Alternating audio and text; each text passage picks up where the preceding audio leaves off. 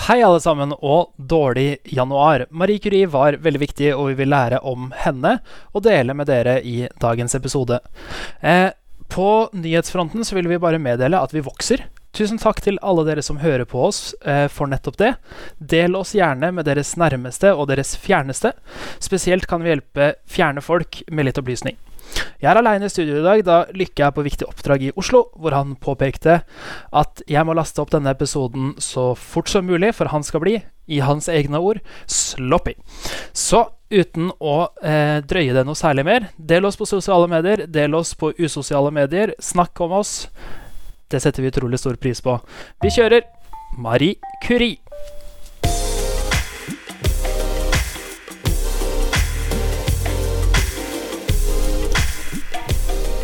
Hei, og velkommen til en ny episode av I dag lærte jeg. Vi heter Andreas Lykke. og Sindre Alsvåg, og i dagens episode skal vi snakke om Marie Curie. Eh, og Ja. det blir en litt annerledes episode i dag, fordi vi vil snakke mer om eh, typer vitenskap. Men vi føler også at eh, det er på sin plass å trekke frem noen viktige vitenskapelige personer fra tid til annen. Så dette blir den første i en serie portretter. ja. Og Lykke, du har lest deg litt opp på eh, Marie Curies liv, og hva var det som Hva det, hva gjorde Marie, liksom? Ja, altså Hun var en uh, ganske spesiell person. Uh, egentlig. Hun var veldig uh, rolig og um, og veldig opptatt av vitenskapen foran alt annet, da, i motsetning til Eller i motsetning til mange personer, så var hun egentlig kun opptatt av, av yrket sitt, da, og ikke noe annet. Altså, Ikke noe, ikke noe personlig vinning, ingenting? Einstein sa en gang at Marie Curie er av alle hyllede mennesker den eneste som ikke har blitt korruptert av kjendisstatus og søkende etter rikdom. Det er ganske kult. Det er ganske. Nå har jo vi funnet litt snusk på henne likevel, da. Men, eh, Ja. men det handler ikke om at hun er ute etter egen vinning i det hele tatt. Nei, ikke egentlig. Altså, hun var um, hun, og, det, og faktisk selv snusket er litt sånn halvakademisk relatert, så vi kommer inn på det. Ja, spennende. spennende. jeg fant en artikkel i det britiske kvalitetsmagasinet The Independent som heter 'Secret Sex Life of Marie Curie', som ble ikke det jeg leste mest, men det var litt interessant. Det høres ut som en typisk eh, VG pluss-artikkel. Jeg vil faktisk bare shout ut Jeg fant en eh, utrolig god, eh, relativt fin eh, biografi eh, av Marie Curie, skrevet av eh, en som heter Lucy Spale Spaluto fra Vanderbilt University, som har skrevet en eh, veldig fin leder i um, forbindelse med 150-årsjubileet eh, for hennes eh, fødsel i eh, november 2017. Som eh, Det har ikke skjedd veldig mye i Marie Curies liv siden november 2017, så jeg valgte å basere ganske mye av forskningen på det. Ja, Det er veldig kult. Jeg har eh, faktisk en shout-out sjøl til The New York Times, hvor jeg leste hennes obituary, altså eh, notisen i avisa da det ble kjent at hun var død. Mm. Eh, og nå står det jo selvfølgelig på deres nettside at den ble publisert i 2010, men hun døde jo lenge, lenge, lenge før det. Ja. Men skal vi starte på motsatt ende? Når, når ble Marie Curie født? Ja, eh, Marie Curie eh, ble født i Eller hun het jo ikke Marie Curie når hun ble født. Hun het eh, nemlig eh, Dette har, du, dette har du øvd på, ikke sant? Jeg har ikke hørt på akkurat jeg har øvd på alt annet. Jeg lover det. Nei, hun het eh, Altså, prøv å si Marie Sklodowska Curie fort, du også. Hun Maria Sladowski Curie. Sklodowska. Sklodowska Ja, det er et Curie. polsk navn, så det er skrevet litt sånn eh, rart for oss eh, nordmenn. Men, eh, men hun het, var født Marie Sklodowska i eh, 7. november 1967 i eh, Warszawa i Polen. Um, og hun eh, kom fra en familie som var veldig opptatt av utdanning. Um, alle søstrene hennes var um, også ganske høyt utdannet. Hun, eh, faren hennes var en kjent fysiker og kjemiprofessor i Warszawa, uten at det egentlig hadde noe særlig utslag på deres sosiale status. De vokste opp ganske fattig. Eh, moren døde når hun var ung, så hun var eh, veldig mye på labben til faren når hun var, eh, når hun var barn. Eh, brukte, den tiden brukte hun både til å lese seg opp eh, på mm, fysikk og kjemi, men også på å faktisk bidra til forskningen da, ved å jobbe på labben. Ja, for ja, altså, Sånn som jeg skjønte det, så var hun veldig nysgjerrig fra veldig ung alder. Og alltid på en måte interessert i Begge foreldrene var vel lærere. Uh, ja, men uh, som sagt, moren hennes døde jo når hun var veldig ung. da Altså, så altså Det å si at faren var lærer Han var jo kjemiprofessor. Ja. Uh, så han var jo på en måte Han var jo lærer, men han var også en, en ganske anerkjent forsker, da. Um, Så ja, hun eh, ble jo seinere også omtalt som et naturtalent på lab, da, så hun var veldig, og det har nok mye med at hun vokste opp da med å faktisk gjøre ganske ordentlig kjemisk forskning da, fra en veldig, veldig tidlig alder. Ja, jeg skal snakke litt mer om eh, på en måte, det praktiske arbeidet hun Mm. gjorde også senere. Fordi eh, i motsetning til, som, som du tidligere nevnte, da, i motsetning til mange andre som er professorstatus og, og lignende, så har hun på en måte ikke brukt så mye eh, hjelpefolk og assistenter. Hun har gjort veldig mye grovarbeidet sjøl også. Ja, det. Eh, ekstrem og, ha, og har eh, sannsynligvis dødd som følge av akkurat det. Å ja, eh, 100 dødd som følge av det. Ja, vi, vi, vi kan konkludere det. Ja, det tror jeg. Det, vi kommer til det, for å si det sånn. Eh, nei, hun, eh, ja, hun var jo veldig skoleflink, da. Eh, altså, I likhet med sin søster. Hun ble veldig tidlig ferdig med grunnutdanningen. Eh, men eh, et problem med det var at det var ikke eh, lovlig å ta universitetsutdannelse for kvinner i Polen da rundt starten av 1900-tallet. Eh, eller slutten av 1800-tallet, egentlig. Som det var. Men Hva gjør man da? det du gjør, er at hun og søstera gikk på noe som kalt, ble kalt det flytende universitetet. Det var et slags ulovlig universitet som byttet sted hver kveld, for det var kveldsundervisning, så politiet ikke skulle stenge ned, hvor kvinner fikk lov til å delta. da. Men problemet var jo også da at hun ville jo bli ja, en, Hun var veldig opptatt Hun skulle bli så flink hun kunne i fysikk og kjemi, så hun det var liksom ikke høy nok kvalitet på utdanningen, da. Så det de fant ut, var at de måtte komme seg til eh, Frankrike. Ah, vive la France. ja, der var det en helt annen for forhold til dette med kvinner i utdanning, og, og der kunne de studere på universitetet. Da. Problemet var jo da at det kostet en del penger, Um, så det de bestemte seg for, var at når eh, Marie Curie var 17 år gammel, um, og søsteren var noen år eldre, så skulle da Marie, eller Marie, em, jobbe som em, Altså Hun var en slags husholderske assistent eh, for eh, noen russiske rikfolk da, i eh, noen år. Og så skulle hun da bruke de pengene til å finansiere søsterens utdanning. Så når hun var ferdig utdannet, så kunne hun finansiere Marie sin. da. The old switcheroo. Ja, rett og slett. Sammen med faren, som også bidro til det. da. Så det holdt de på med i, eh, i ganske mange år, egentlig. Eh, for Som sagt, Hun begynte jo som eh, 17-18-åring å jobbe for eh, disse folka. og Først når hun var 24 år gammel, så kunne hun begynne på Sorbonne-universitetet da, i Paris. Veldig anerkjent eh, universitet. Eh, gammelt og veldig den dag i dag veldig respektert. Ja, masse flotte, kjente vitenskapsfolk. Høy kvalitet. Ja, um, og ja, når hun kom dit, så jobbet hun knallhardt. eh, både på laben og med teori og med egentlig det meste, fordi hun måtte på måte, hun følte hun måtte ta igjen da, Ta igjen de andre studentene som på en måte hadde mer klassisk utdannelse av høyere kvalitet. eh, og det gikk eh, ganske bra. Eh, I løpet av to år så fikk hun det som i dag ville tilsvare en mastergrad. Det het noe helt annet da, men det er ikke så veldig viktig. Og i fysikk, da. Og bare ett år senere så fikk hun da sin andre grad i matematikk. Så hun, eh, hun kom fort eh, opp, opp og fram.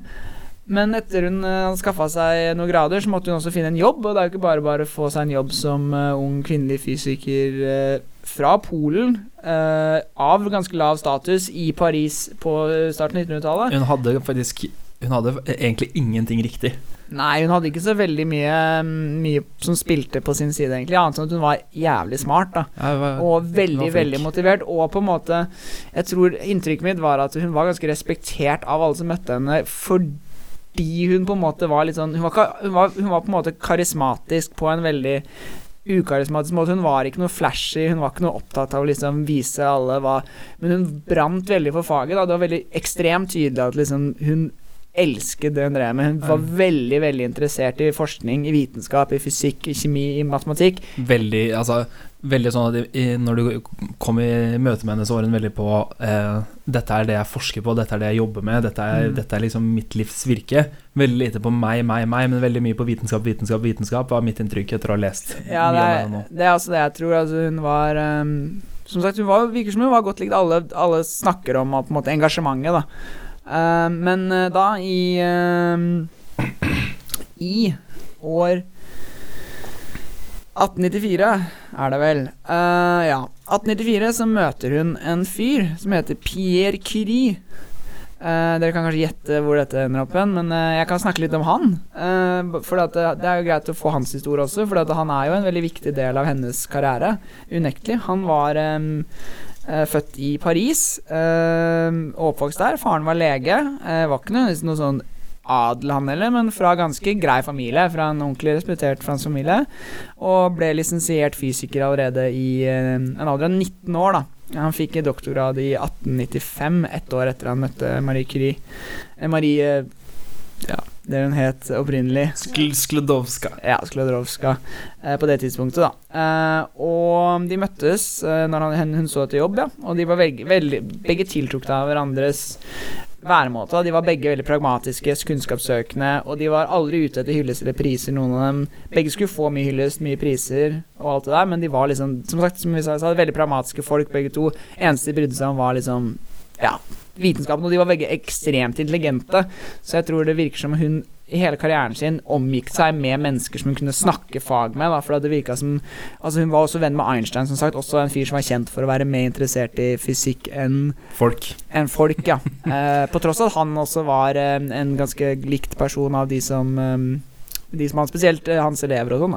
Ja, han var jo Ja, nei, du har helt Ja. rett. Hun virka, som, hun virka egentlig som en ganske introvert eh, type, vil jeg tenkt på henne som Ja, i dag. Men i hvert fall- på en måte ikke så opptatt av det som på en måte er sånn mellommenneskelige relasjoner og kommunikasjon, men veldig opptatt av faget. Og når du blir eh, altså tilstrekkelig opptatt av faget, så blir du respektert. Ja, du blir også egentlig ganske karismatisk. Vi har jo begge studert på NTNU, hvor man møter jo på noen mennesker som kanskje ut første inntrykk kanskje ikke er så supersosiale og sånn, men når man begynner å snakke fag, så merker du at dette er jo folk som egentlig er veldig underholdende og sånn. De bare bryr seg ikke om liksom Ja, Paradise Hotel og, og, og nødvendigvis mye kunst og sånne ting. Og de her bryr seg om fag, ikke sant. Og det er Ja, det som de kan snakke om. Jeg, jeg kjenner typen. jeg kjenner typen Mm, men uh, uansett, de møttes, uh, møttes der, og de med, kom veldig godt overens med en gang, og det ble veldig de ble, det ble veldig åpenbar, eh, åpenbart par, da. Eh, han var jo som sagt noen år over henne, og, men det var ikke noe sånn skandalepreget i det hele tatt. Jeg tror det var ganske sånn innafor. Um, og det endte opp med at de gifta seg da, et år seinere, i 1895. Og det sier jo igjen litt om henne som person. Da. Altså, hun valgte å ikke gå for en brudekjole, men istedenfor en mørk blå drakt, for den kunne ha på seg på lab senere. For den var sånn bra materiale. Smart, smart. Så Pragmatisk, Pragmatisk, som du sier. ja. Eh, ja, eh, så de giftet seg, og etter to års ekteskap så um, fikk de sitt første barn. Irene Curie. Og hun var jo så glad i datteren sin, og etter alle Det virker som hun var en ganske god mor, eh, men det var litt problematisk, for hun var desperat etter å fortsette å jobbe, da. Eh, og det er ikke bare bare å kombinere rollen som mor uh, med rollen som en hardtarbeidende forsker. Men, uh, så de fikk faktisk ganske mye hjelp av Pierre uh, Curie sin far, som nå også var blitt enkemann. Da. Så han var litt mer tilgjengelig og hjalp til med barneoppdragelsen når hun måtte jobbe. Og hun snakket veldig pent om han, da, og at um, Og både Irene og Maria snakket veldig pent om da denne um, svigerfaren, som hadde gjort det, var en veldig viktig del av det at de kunne fortsette med det arbeidet de skulle gjøre. da Så hadde, nå hadde de liksom barn, de hadde et lite hjem, og ting begynte å ligne på, ligne på noe. Hun, eh, hun jobba litt uh, her og der. Og nå fikk hun seg endelig en skikkelig jobb, da, for hun ville begynne å jobbe med doktorgraden sin. Så da fikk hun tilgang til et lite gammelt lagerrom på skolen der eh, han Pierre jobbet, der hun kunne forske på uraniumstråling og bygge videre på det arbeidet som uh, Henri Becquerel hadde gjort. Jeg vet ikke om du skal kanskje litt mer inn på dette etter hvert? Ja, det, eh, for nå kommer, vi, nå kommer vi veldig inn på kjernen av det, vi, det som gjør eh, Ja. hennes liv og virke kjent i dag. Har du lyst Og det skal jeg ta litt mer om etterpå. Har du lyst til å snakke litt om det, hvordan de oppdaget polonium og radium? Det, eh, det kan jeg godt ta. eh, Ja. Fordi i dag så er eh, Marie Curie eh, først og fremst kjent for måten hun forsket på eh, radioaktivitet, stråling. Eh, hun brukte det til eh, mye godt, og ja I dag så kjenner vi også til alle de negative sidene ved, ved mm, radioaktiv stråling, men, men eh, hun var bl.a. med å oppdage at stråling kan eh, minke kreftsvulster, altså eh, ikke bare hindre eh, at eh, kreftsvulsten vokser, men også faktisk ødelegge kreftsvulsten direkte. Og, og hun oppdaget flere sånne småting i medisin og, og kjemi og fysikkens verden som gjorde at hun på en måte ble eh, veldig begeistra for denne strålingen, som nettopp hadde blitt oppdaget, som du nevnte, av eh, det ble, ble oppkalt etter en, eh, en eh, fyr som heter Røntgen. Som I Norge så kaller vi det røntgenstråling, men Røntgen sjøl kalte det X-rays, altså X-stråler, fordi, fordi i matematikkens verden så bruker vi X når noe er ukjent. Han skjønte ikke hvor den strålingen kom fra, og det er akkurat dette eh, Marie Curie og eh, Pierre eh, forsket mye på, eh, prøvde å finne ut hva er det som gjør at ulike substanser, ulike eh, kjemiske forbindelser og noen ulike grunnstoffer har en eller annen energi som de stråler ut som vi ikke egentlig helt vet hva er. Så kalte det X, nå kaller vi det røntgen. Vi vi har også delt opp i mange forskjellige underkategorier i dag. Eh, men alt dette her handler om radioaktiv, eh, radioaktivitet, radioaktiv stråling. Og eh, hennes eh, henne, altså, Jeg er jo kjemiker, og, og det jeg har jobba med på Lammen, er jo veldig sånn I dag så har vi kartlagt alle de 118 grunnstoffene, og vi veit veldig mye om alle sammen, og, og, hvordan vi kan få tak i det helt reint. Og det er vanligvis eh, for meg eh, Da jeg jobba på lab, så var det vanligvis å på en måte gå på nett og bestille.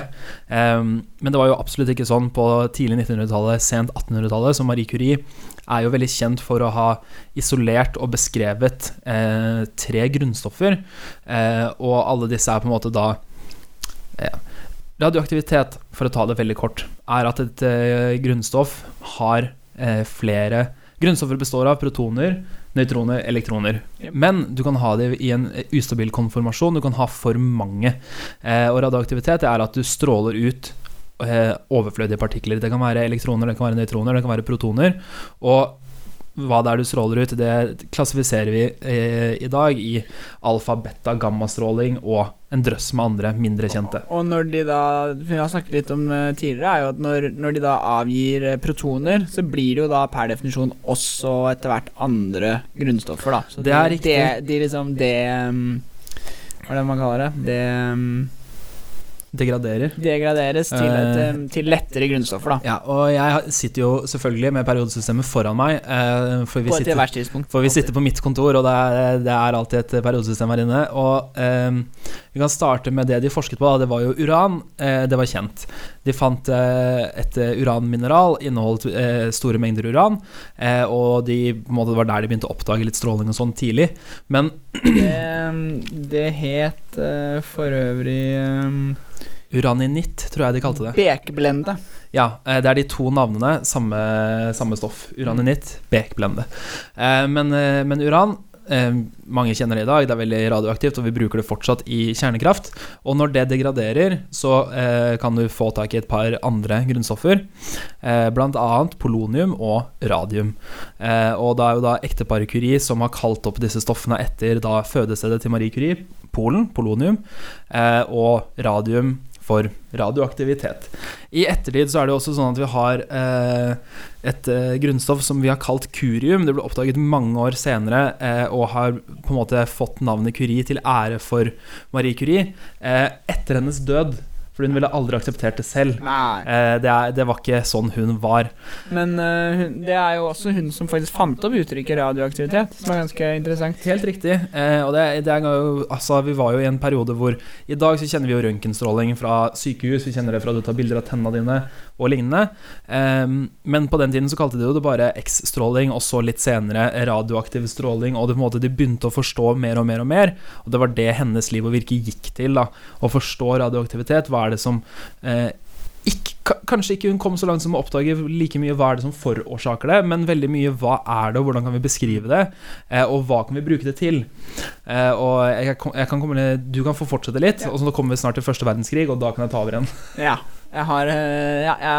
Um, nei, så de, eh, de begynte å jobbe Eller hun fant, fikk ganske interessante resultater da, ganske tidlig når hun forska på i dette lageret sitt. da uh, Forska på uraniumstråling og bygde videre på det Becquerel-greiene. Eh, og Pierre ble så interessert at han ble rett og slett med på forskninga, og da var de liksom På dette tidspunktet så var de offisielt da forskningspartnere, da, ikke bare romantiske partnere, og herfra og ut så var livene deres egentlig helt knytta sammen hele veien. Da var de, det var bare de to hele tida. Ja, og, og det var sånn som du nevnte, altså, det var de to. Ikke Ja. så mye barna, for de, de jobba jo fra morgen til kveld. Ja, ja, barna var, eh, var hjemme med bestefar, da. men der de fikk en fikk, hadde det vist seg ganske bra, da. Um, nei, så så de flytta seg da fra dette lagerrommet til det som Marie Curie seinere selv kalte et miserabelt gammelt skur. Det var da et gammelt rom, skur eh, som hadde lekk glasstak. Eh, kan minne litt om et drivhus, kanskje, fordi det var ekstremt kaldt om vinteren og ekstremt varmt om sommeren. Det rommet var tidligere brukt til å dissekere lik. Så det var liksom ikke det var, de, de var ennå ikke så respekterte at de kunne be om hva de ville. Det var virkelig ikke top notch. Nei, men det var ikke helt ideelle arbeidsforhold. Der hadde de lange dager, jobba hardt. De kokte denne bekbrennemalmen i en sånn svære gryter og sto og, sto og styrte på. Og, De, og de rør, måtte røre med Nå kommer det liksom ting som er morsomt for meg som kjemiker. De måtte røre med store stålstaver. ja. Fordi stål tåler mye, mm. og ble ikke påvirket i like stor grad som alle de andre verktøyene de prøvde. Så kan du se for deg hvor store overarmer Marie fikk etter hvert. da ja, det er et godt poeng. Uh, nei, så sto de der og ekstraherte uranium, og i 1903 Heter bare, heter bare uran på norsk, ass. Uh, ja. Det heter bare uran på norsk. Ass. Uansett, sto der og ekstraherte uran, uh, og i 1903 fikk hun definitivt eh, betalt for arbeidet. Eh, som jeg har skrevet her, 1903 var et vilt år for Marie Curie. Nice. Først fikk hun som første kvinne i Frankrike Nobel... Nei, doktorgrad Hei! i fysikk. Første kvinne i Frankrike som fikk det, altså. Og samme år så fikk hun Nobelprisen i fysikk. Så dette er en 36 år gammel kvinne rundt århundreskiftet som tolv år før begynte på universitetet, fikk da den tredje Nobelprisen i fysikk noensinne, og åpenbart den første som noen kvinne hadde fått, da. Eh, men det var ikke bare bare at hun skulle vinne den. Fordi at det var jo en nominasjon ute eh, pga. forskningen, og der var det bare Henri Becquerel og Pierre Curie som skulle motta denne prisen. da. Mhm. Eh, Altså eh, mennene. mennene. Eh, men det var en svenske eh, som het Magnus Gøsta Mittag Leffler. Det er et eh, enkelt og greit navn. Eh, han har lenge vært en forkjemper for kvinners rolle innen vitenskapen. Eh, på tross av at han mest trolig var en hvit mann, og han trolig pusha 50, så var han positiv til kvinners eh, framgang innen vitenskapen. Er helt uhørt. Det er litt uhørt, eh, men folk var, eh, det var et bedre kvinnesyn i 1903. Eh, uansett, uh, han Det var gode tider for Ja, kvinner. gode tider for kvinner. Han var uh, særdeles eh, irritert, eh, irritert på dette, så han sendte et brev til Pierre bare så han skulle vite at de var nominert, men ikke henne. Og han ble jo fly forbanna og krevde umiddelbart at Marie også skulle nomineres. Nobelkomiteen hørte faktisk på han, og dermed så vant ekteparet Curie sammen med Henri Becquerel den tredje nobelprisen i fysikk i 1903. Og dette eh, gjorde at de faktisk fikk ganske mye respekt og nye karrieremuligheter eh, som ville hjelpe dem veldig i forskningen. Da. Eh, og i 1903-1904 så ble Pierre full professor. Altså ikke at han var eh, alkoholisert, men altså han fikk den fulle professortittelen. Ja. Um, i, på ved Sorbonne-universitetet i Paris. Da. Uh, Marie fikk også endelig en fulltidsjobb og full lønn fra universitetet, uh, med tittelen laboratoriesjef. Eh, og ting så jo veldig bra ut i, for ekteparet, og i 1904 så kom deres andre barn, uh, som het Eva, til verden. Og ting var eh, egentlig kjempegod stemning. Og så i 1906 så gikk det ikke så bra igjen, da. Så snakke litt mer om Pierre Curie her. Han var veldig, veldig smart, men som en del veldig veldig smarte mennesker, så var han også litt sånn susete. Han hadde en tendens til å liksom gå rundt i sine egne tanker og ikke helt følge med og Følge med alt som skjedde rundt seg, og egentlig bare være litt i sin egen verden. Som det viser seg at dette var kanskje ikke kjempeheldig for han, da, fordi han drev og gikk ute 19.4.1906 i Paris. En eh, regntung dag, synes det, som hadde gjort at brosteinsgatene i Paris var ganske glatte. Så når han skulle krysse gata og egentlig ikke helt fulgte med, så sklei han. Og klarte å få hodet sitt under et hjul. Jeg har lest både at dette er hjulet til en vogn og hjulet av en Altså en bil, truck. Uh, så det er i hvert fall uh, under et hjul, uh, og hodet hans eh, mot det hjulet viste seg at eh, det var ganske rått parti, og det ja, Hodet hans knustes rett og slett. Han døde. Han døde momentant. Så jeg har lest, jeg har lest om dette flere steder nå. Det, overalt så står det 'døde momentant'. Altså, det hodet hans bare, ble det liksom var bare knust. ingen tvil. Ja, nettopp. Han var bare Du trenger ikke han, være lege for å forstå at han var dau. Ah, eh, fun fact om det. Eh, I Norge i dag så er det bare leger som kan erklære noen offisielt for død, med mindre hodet er av. Ja, der ser du. Så selv, selv da. Eh, men det er også litt sånn en, Veldig trist, åpenbart. Det var jo det øl, Altså, det var jo veldig det var det eneste hun brydde seg om, var jo mest trolig altså familien og forskningen. Og nå mistet hun jo på en måte både forskningspartneren og liksom familiepartneren. Og staten tilbød henne faktisk en ekstra pensjon for å hjelpe henne økonomisk. Men hun takket faktisk nei, for hun insisterte på at hun hadde jo egen inntekt. Hun kunne ta hånd om seg selv, hun trenger ikke noe hjelp fra staten. Dere ville Eh, ikke tilbudt dette til en mann? Nei, Eh, ikke sant? jeg, Nå spekulerer jeg. Ja, hun, fall, hun, hun ville ikke ha noe av det, da. Så, men hun fikk, um, um, på, som med hjelp av ganske mange andre Så f- var mange som gikk i bresjen for at hun skulle da arve Pierre sin professorstilling ved Sorbonne, som man kanskje var litt Altså Hun var jo definitivt Hun hadde jo nobelprisen i fysikk, så hun var jo åpenbart Hun, ha, hun hadde merittene, men eh, hun var veldig ung, og hun var kvinne. Og så hun ble den første kvinnelige professoren i universitetet, enda en nummer én for henne. Ja, fordi hun, hun fikk jo da eh, overta rollen som mann hadde hatt tidligere. Så de neste tolv årene hennes eh, skulle da gå med til, egentlig til å bygge institutt som var verdig hennes manns liv og virke.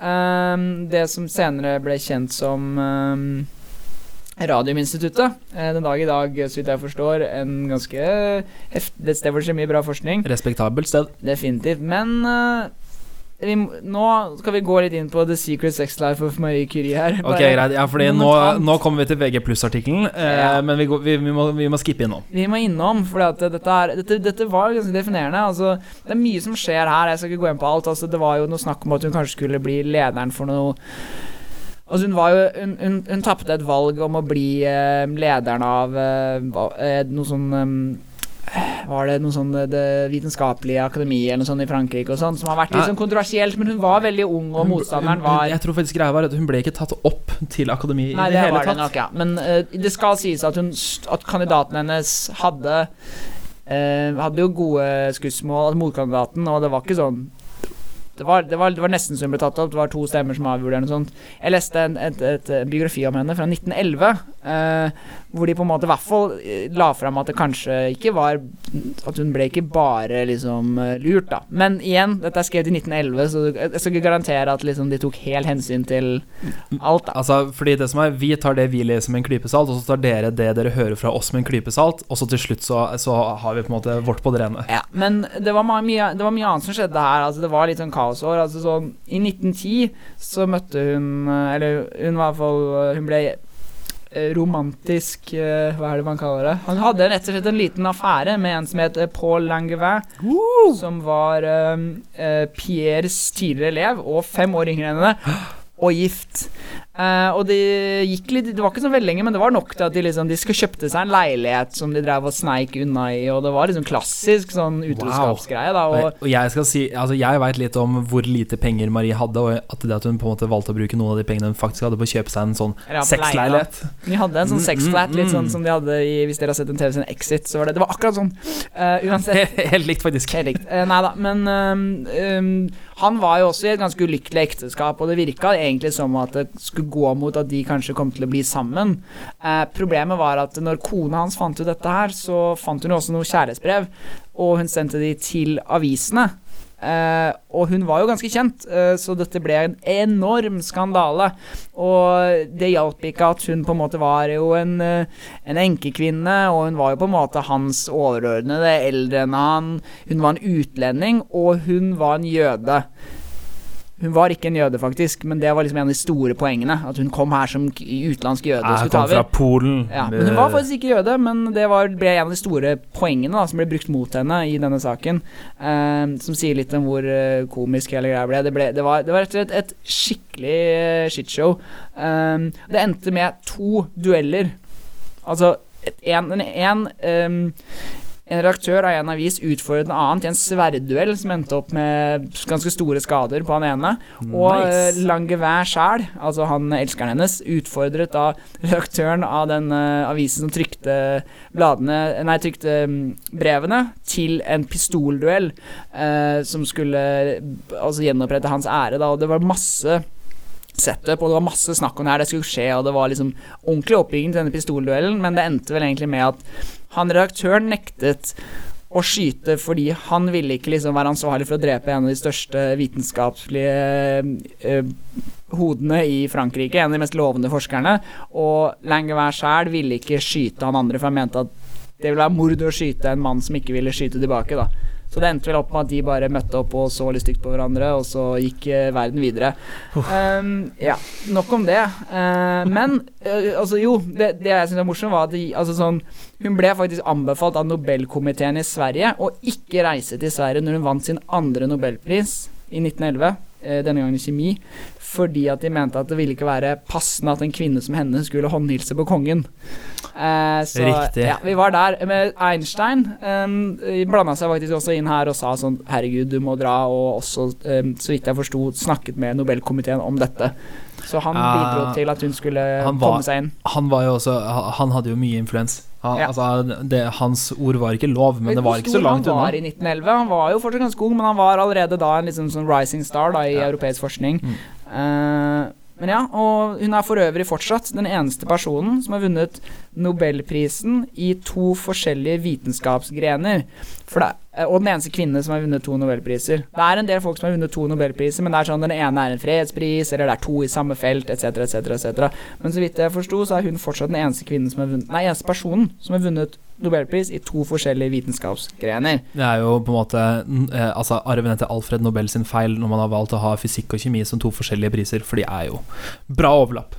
Ja, og vi har jo også da nå, Det var, det var ikke, noe, ikke nødvendigvis eh, ja, den mest forutseende, men 1914 så sto Radiuminstituttet klart, og hun var klar for å fortsette forskningen sin. Men i 1914 så begynte det også å bli krig i Frankrike. Ah, så da måtte det bli en liten pause igjen. Eh, mange av forskerne hennes måtte melde seg til hæren, så Marie Curie måtte da ta og slappe av noen år hjemme. Mm. Eller ikke. Fordi hun bestemte seg for at Nei, dette her er en god mulighet til å, til å teste ut forskningen min. Så hun fant ut at røntgenstråling eh, Det hadde funnet at det gjorde at man kunne se brukne bein, man kunne se løse gjenstander innen solater som var skadet og sånn. Så hun bestemte seg for å bygge 20 biler om til mobile røntgenstasjoner, rett og slett. Og hun kunne jo ikke kjøre. Her, her må jeg bare Fordi det, altså her, her leser jeg også leser, leser Mm. dette, og så leser jeg liksom to setninger. Eh, hun bare lagde noen sånn uh, røntgenbiler som hun kunne kjøre rundt og bare Wow, det var gøy, liksom. Ja. Eh, men jeg har lest en artikkel som viste veldig tydelig at eh, det var jo bare Det seg sjøl var jo på en måte eh, et altså vitenskapelig sjumilssteg. Ja, Eh, å kunne bygge en en, en, en, eh, en lett eh, røntgenstasjon som du kunne ta med til fronten og faktisk liksom operere med presisjon. Altså, det er helt spinnvilt. ja, det er helt crazy. Og, Selv en dag i dag er ikke det noe sånn superlett jobb. liksom. Nei, og, og selv, altså, selv den dag i dag så er, er røntgen, eh, røntgenutstyr er stort sett eh, altså fastspent eller eh, altså bolta i bakken, fordi det er, det er ustabile greier. Det, det visste jo hun også, men hun visste ikke så mye om de negative konsekvensene. Men Mm. vær så god, Lykke, fortsett. Første Nei, verdenskrig skjer. Hva, Fordi hva gjør hun? Som sagt, da, hun har disse bilene, og hun er, ok, noen må jo kjøre de bilene her, så, men hun har ikke lappen. Eller hun kan ikke kjøre. Så hun lærer seg å kjøre.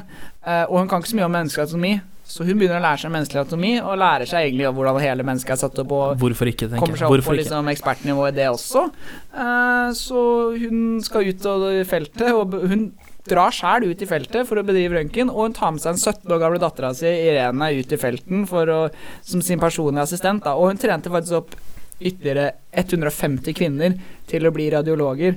Eh, og hun ble også lederen for Røde Kors sin radiologitjeneste. Da. Og faktisk etter krigen så fortsatte hun å undervise i radiologi, og skrev også en bok om da radiologi.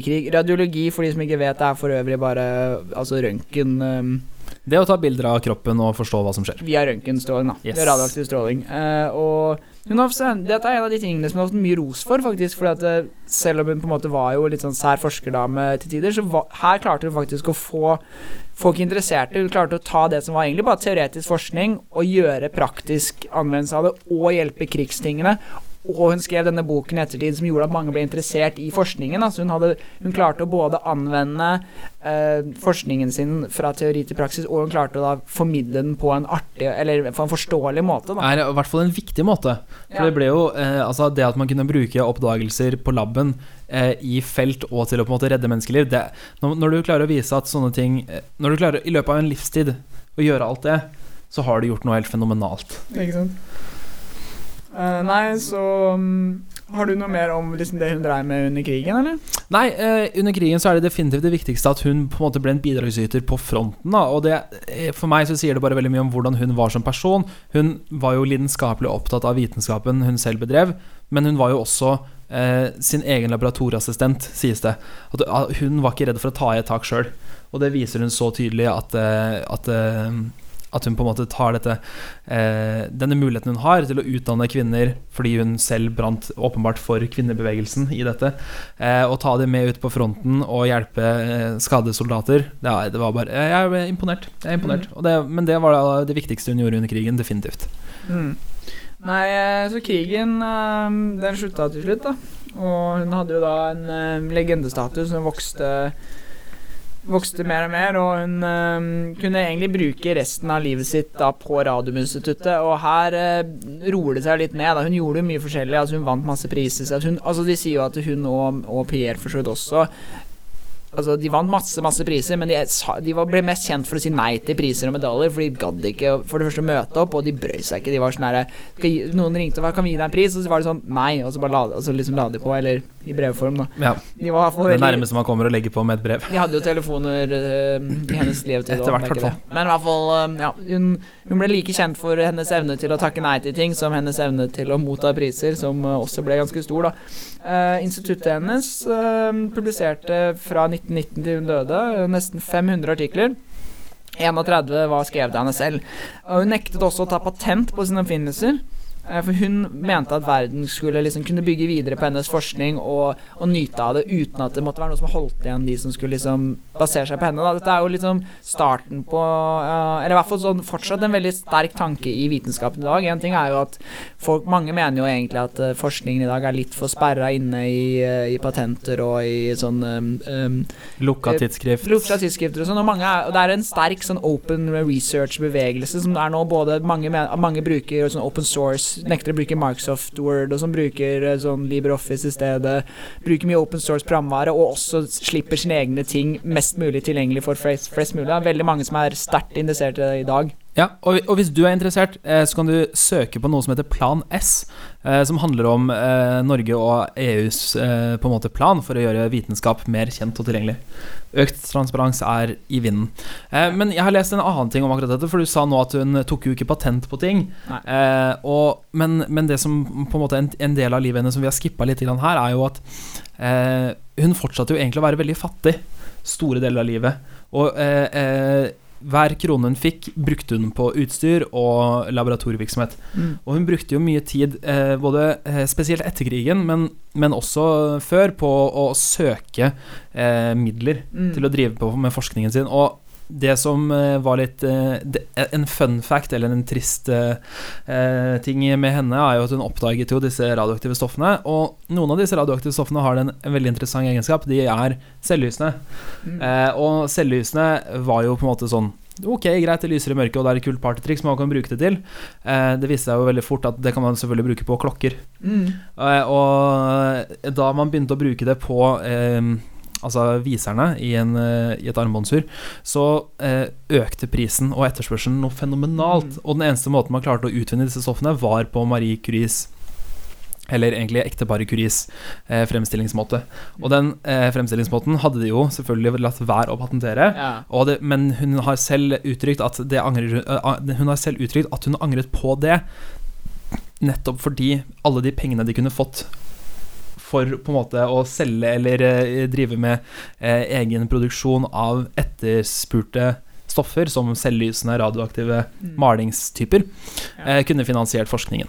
Det er jo ganske, ganske morsomt. Altså, hennes, um, le, altså hennes um, leselys på, på soverommet hennes var uh, da radium. Det var selvlysende. Hun hadde sånn nightlight av Ja, det- radium. Det er, altså, det er superfunny, men det er også eh, Det forklarer så mye. Ja, og det, altså, det går igjen. Altså, det er eh, det, hun, hun, altså, hun var jo på en måte en en, en, en, som sagt en veldig eh, eh, profesjonell og flink forsker, men altså i moderne HMS-standarder så var det noen ting som mangla. Altså det det var jo Hun hadde jo se, altså sånne forskjellige typer radioaktive ting overalt. Hun gikk rundt med det i lomma, hun hadde det i, i, på skrivebordet sitt. Altså Den dag i dag, så hennes notatblokker, og inkludert hennes personlige kokebok som hun hadde på kjøkkenet sitt, er i dag så radioaktive at du får ikke lov til å ta på dem uten liksom Det er inni et hvelv, inni en blykasse. Altså, det, det er hvis, hvis du tar på Bare hvis du tar på kokeboka til Marie Curie i dag, så risikerer du å bli sjuk. Det er liksom, vi er, vi er, vi er, altså sånn, hun levde i ganske Det var mye radioaktivitet rundt henne. Så resten av historien kommer ikke til å bli så overraskende hvis du holder det i hodet. Fordi Ja, for vi begynner egentlig å nærme oss slutten her nå. Vi begynner å nærme oss slutten uh, fordi um, Ja, det er 20-tallet. Hun begynner å få ganske mye støtte fra både stat og industri. Da. Så industrien var merka jo, som du sa, at dette her er noe vi kan kanskje tjene penger på, så de begynte å gi henne ganske mye penger, da, eller, eller instituttet hennes, da. Så, men problemet var at når 1920-tallet begynte å komme, så begynte hun virkelig å bli dårlig. Da. Altså, hun begynte å bli blind. Eh, hun var nesten blind. Hen, huden på hendene hennes begynte å falle av. Og hun var egentlig generelt ganske svak. Da. Og i 1943 da var det for mye. Da døde hun. Hun døde av noe som heter aplastisk anemi.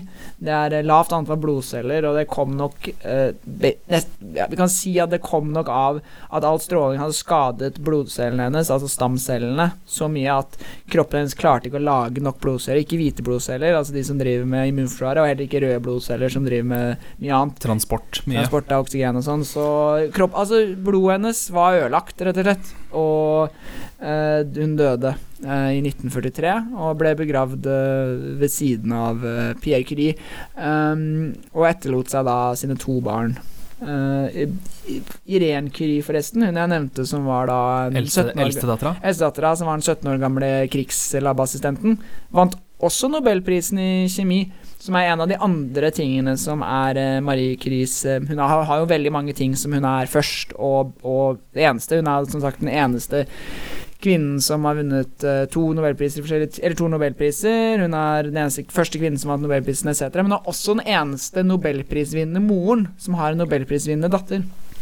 Det er jo ganske stilig. Mm. Ja, nei, for jeg tenker nå begynner vi egentlig å nærme oss slutten på episoden. her føler jeg Fordi Nå har vi snakka om eh, Marie Curies liv hele veien fra start til slutt.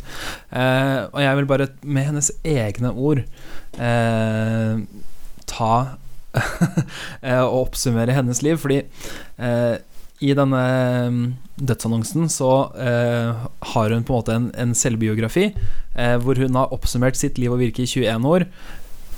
Og jeg oversetter on the fly. Jeg ble født i Polen. Jeg var gift med Pierre Curie. Jeg har to døtre. Jeg har arbeidet i Frankrike. Det, så, det, det var, det var de, liksom de største ordene hun kunne si om seg selv. Mm. Eh, hun ble jo eh, hun er jo fortsatt i dag kjent som en veldig ydmyk eh, og ekstremt lidenskapelig forsker. Mm. Og det er, det er, virkelig derfor hun er eh, navnet hennes er så kjent som det er. Og hun har tre grunnstoff oppkalt etter seg eneste personen som er det. Ja. Altså, det er liksom, hun har jeg, gjort så mye unikt. For Jeg har nå åpenbart gjort en research på henne, og jeg, en av de tingene jeg sitter igjen med, er at jeg er litt sånn sint på på en måte nesten hvordan historien hennes er fortalt. For sånn som, det, Hvis du spurte meg for et par uker siden liksom, hva tenker du om Marie Curie, liksom, så ville jeg sagt ok, hun er kanskje den største kvinnelige forskeren vi har. Som jeg fortsatt vil stå for at er sant. Men er hun kanskje den største forskeren vi har? Altså sånn, det begynner, altså sånn hadde hun vært en mann og gjort basically alt det hun gjorde i dag, så er hun faktisk Altså, det er jo ganske sjukt hva hun fikk til på Hun levde jo ikke så lenge heller. Hun ble 66 år gammel, men som sagt, de siste par årene av livet hennes, altså de siste 20 årene, så var hun ganske blind. Hun var, hun var syk. Hun var veldig, var veldig syk. syk. Altså, så hun gjorde mesteparten av arbeidet sitt mellom ja, 1903 og 1920 ca. Ja, nei, for jeg, jeg, er litt enig med deg, skjønner du, for jeg også opp, har liksom Som kjemiker så er jo hun på en måte en av, en av de vi lærer om tidlig, som, eh, som på en måte lidenskapelig opptatt av kjemi og en viktig kjemiker på en viktig tid i kjemien også. Det var veldig mange oppdagelser som ble mm. gjort på liksom, starten av 1900-tallet. Ja, Det er jo noe som bør nevnes. At hun, hun, var jo veldig på riktig sted på riktig tidspunkt også. Hun var i Paris på starten av 1900-tallet, omgitt av alle disse Det var jo en ekstrem smeltedigel, ja. og en, en, et, det var der det skjedde, liksom. England og Frankrike på starten av 1900-tallet var jo på en måte eh, Det var blant annet på en måte starten på det var starten på så mange ting, og det var også en veldig tydelig da, skille mellom fysikk og kjemi. For det var ikke så tydelig tidligere, og det, det, har jeg veldig lyst til å snakke om i en annen episode. Hva er vitenskap? Ja, og hun er jo, altså, sånn, som sagt, hun var jo Hun måtte jobbe ganske hardt for å komme seg liksom, dit hun var. Eh, men hun var det skal, det skal nevnes hun var på riktig sted til riktig tid, og hun var riktig person til å være der. Da. Helt klart. og spesielt fordi at hun møtte Pierre Curie, som jeg faktisk eh, jeg må si også, jeg, Han hadde jeg bare så vidt hørt om, og han også var ja, jo en altså, ekstremt bare så vidt hørt om selv, flink fyr. Uh, åpenbart tar ikke det noe vekk fra det hun gjorde, men de, uh, hun, han var en utrolig også en dyktig fyr som hjalp uh, De hjalp hverandre veldig. Jeg vet ikke, man skal ikke si skal, Det er vanskelig å si hvem som hjalp hvem mest, men han Ja, det er faktisk nesten umulig, og jeg tenker også, som du sa, at det blir liksom det er leit å høre om hennes eh, historie, fordi eh, vi kjenner henne som en viktig vitenskapelig En, en viktig kvinne i vitenskapen. Mm. Men eh, jeg er bare så utrolig nysgjerrig på hva om hun bare var født som mann. Hadde på en måte, Hvor mye mer kunne hun gjort hvis hun ikke brukte så mye tid på motstand bare fordi, liksom? Jeg tenker eh, det hadde vært Det er et spennende Men jeg tror også det at det virka som hun på en måte Hun var litt sånn Hun brøy seg liksom ikke om så mye ting. Altså Hun var bare sånn Så lenge hun kunne forske, så var, for fikk folk bare mene det de ville, og så kunne hun bare gønne på. Men hun hadde altså som Jeg tror nok Jeg tror nok ikke man Som selv om jeg sa at liksom Ja, Steff, hun må jo huskes nesten mer som en, en, en forsker enn en, en kvinnelig forsker. Så må man ikke ta vekk fra liksom de utfordringene det må ha gitt. Altså sånn Virkelig ikke. det var, var ikke bare bare. Jeg veit ikke, de hadde vel eh, Det var jo store deler av verden hadde jo ikke stemmerett for kvinner engang, når hun drev og fant opp nye grunnstoffer. Nei, nei, og store deler av verden hadde jo ikke stemmerett etter hennes død heller. Eh, Norge stemmerett 1913, land nummer to i verden.